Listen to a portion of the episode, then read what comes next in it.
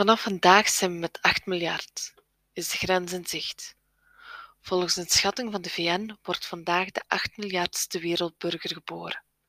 Het nieuwste miljard is er in slechts 12 jaar bijgekomen. Waar zit de groei precies en wanneer wordt de situatie op aarde penibel? Hoeveel mensen kan de aarde aan? Nu de VN vandaag ergens op de wereld symbolisch de 8 miljardste wereldburger aanwijzen, lijkt die veelgestelde vraag relevanter dan ooit. We bereiken vandaag met 8 miljard de ondergrens waar het volgens de bevolkingsonderzoekers penibel kan worden, zegt Harry van Dalen, verbonden aan de Universiteit van Tilburg en het Demografisch Onderzoekinstituut NIDI. Lichtpuntje is dat dergelijke schattingen nogal uiteenlopen. De bovengrens is 12 miljard. Samen met NIDI-onderzoeker Kenny Henkens peilde Van Dalen twee keer hoe demografen zelf over bevolkingsgroei denken. Tien jaar geleden onder bijna duizend onderzoekers wereldwijd en vorig jaar nog eens onder 220 demografen in Europa.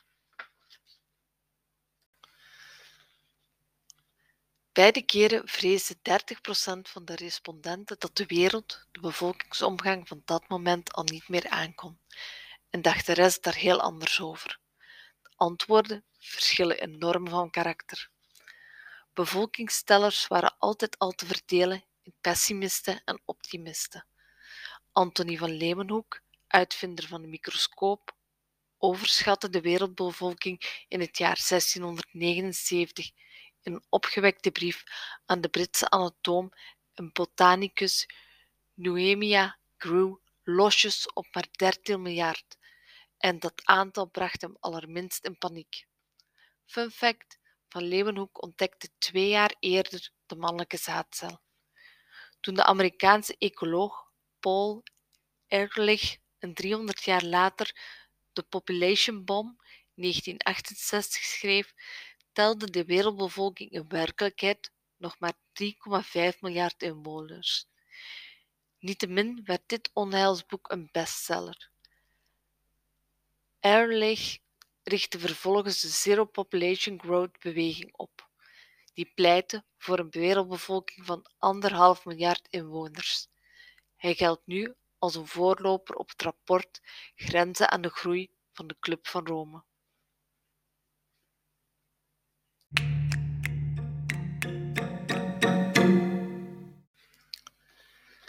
Draagkracht van de aarde. Weten we dan gewoon niet wanneer de aarde vol raakt? De moeilijkheid is dat de draagkracht van de aarde een begrip is met een uiteenlopende definities, zegt Van Dalen.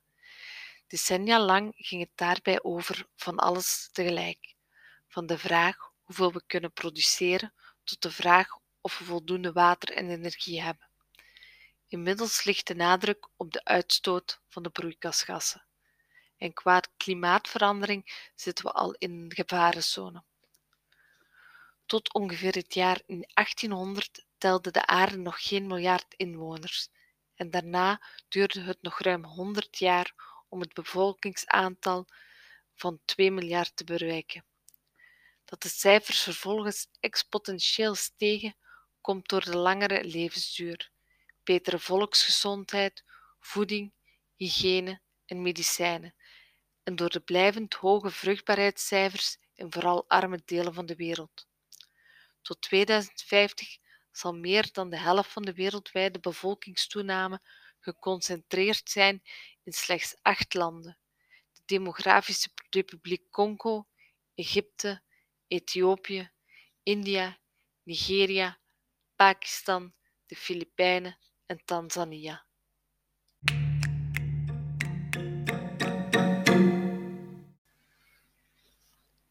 Levensverwachting. Toch is het volgens de VN alles behalve raadzaam om in de geest van Ehrlich naar landen met hoge bevolkingstoename te wijzen als schuldigen aan klimaatverandering. Van grotere invloed is de stijging van het inkomen per hoofd van de bevolking op toegenomen productie, consumptie en de uitstoot van broeikasgassen. Meer welvarende landen hebben de grootste verantwoordelijkheid om de uitstoot van broeikasgassen snel naar nul te brengen, schrijven de VN. Bovendien valt niet te onderschatten hoezeer de bevolkingsgroei is te danken aan onze toegenomen levensverwachting.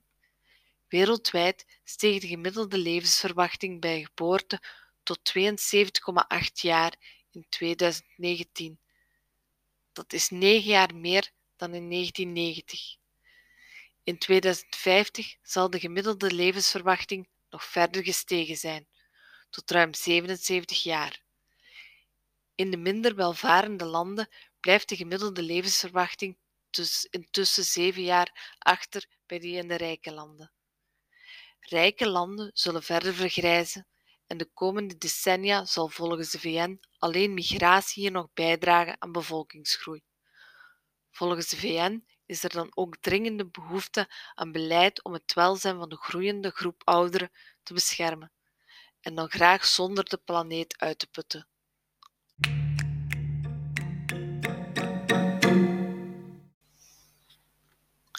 Volgt na de demografische explosie een afvlakking van de groei?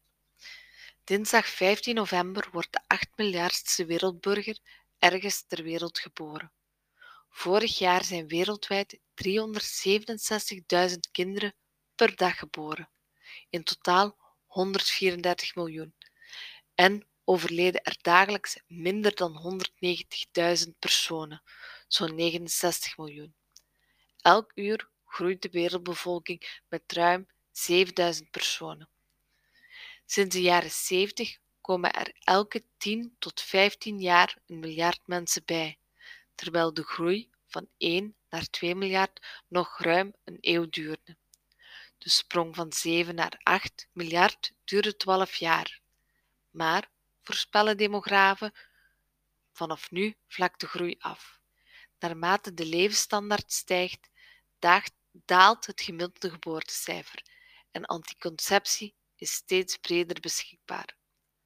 Bevolkingsexperts voorspellen dat de grens van 9 miljard over 15 jaar wordt bereikt in 2037 en de 10 miljard komt pas ruim 20 jaar daarna in zicht, in 2058.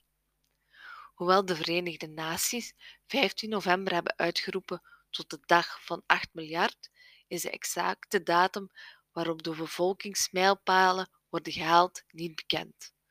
De onzekerheidsmarge in de VN-modellen is ongeveer een jaar. Lang niet overal ter wereld is snel bekend met hoeveel de bevolking is gegroeid. Zeker is wel dat de gemiddelde Nederlander, die is nu 43 jaar oud, in een wereld leeft met bijna het dubbele aantal mensen als tijdens zijn of haar geboorte.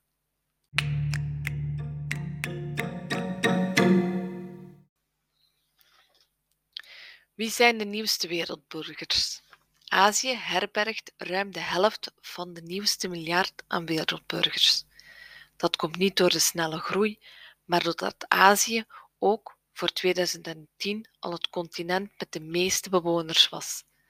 De Aziatische bevolking is met 11,5% toegenomen, vergelijkbaar met de groei in Latijns-Amerika. In Afrika is de bevolking met bijna een derde toegenomen, van 1,04 naar 1,38 miljard. En in Oceanië was de groei 20% De Europese bevolking, inclusief Rusland, is de laatste jaren nauwelijks gegroeid, van 736 miljoen naar 746 miljoen. Daarom is de groei van 7 miljard naar 8 miljard inwoners slechts voor een klein deel toe te wijzen aan Europa.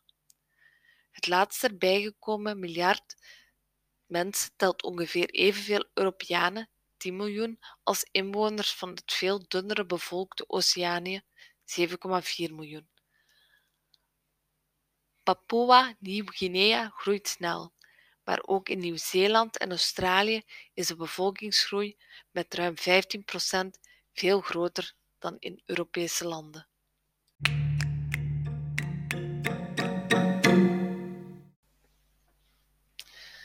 Waar groeit de bevolking in de 21ste eeuw? Bijna driekwart van de bevolkingsgroei vindt plaats in lage inkomenslanden, berichtte de VN.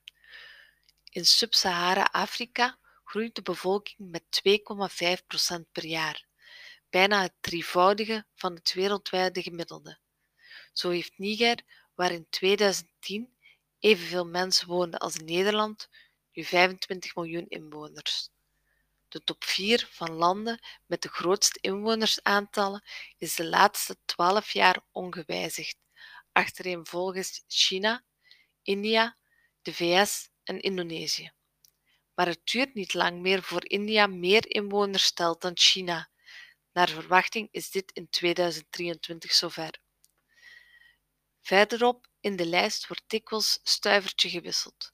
De nummer 5 in 1990, Rusland, met toen nog 148 miljoen inwoners, staat nu op de negende plaats. Pakistan en Nigeria hebben Brazilië ingehaald, naar plek 5 en 6, en het duurt niet lang meer voor zij Indonesië qua inwonersaantal voorbij zijn. Een aantal landen in het Midden-Oosten zag de bevolking de afgelopen jaren ook zeer snel groeien, maar dat komt vooral door een enorme influx aan arbeidsmigranten.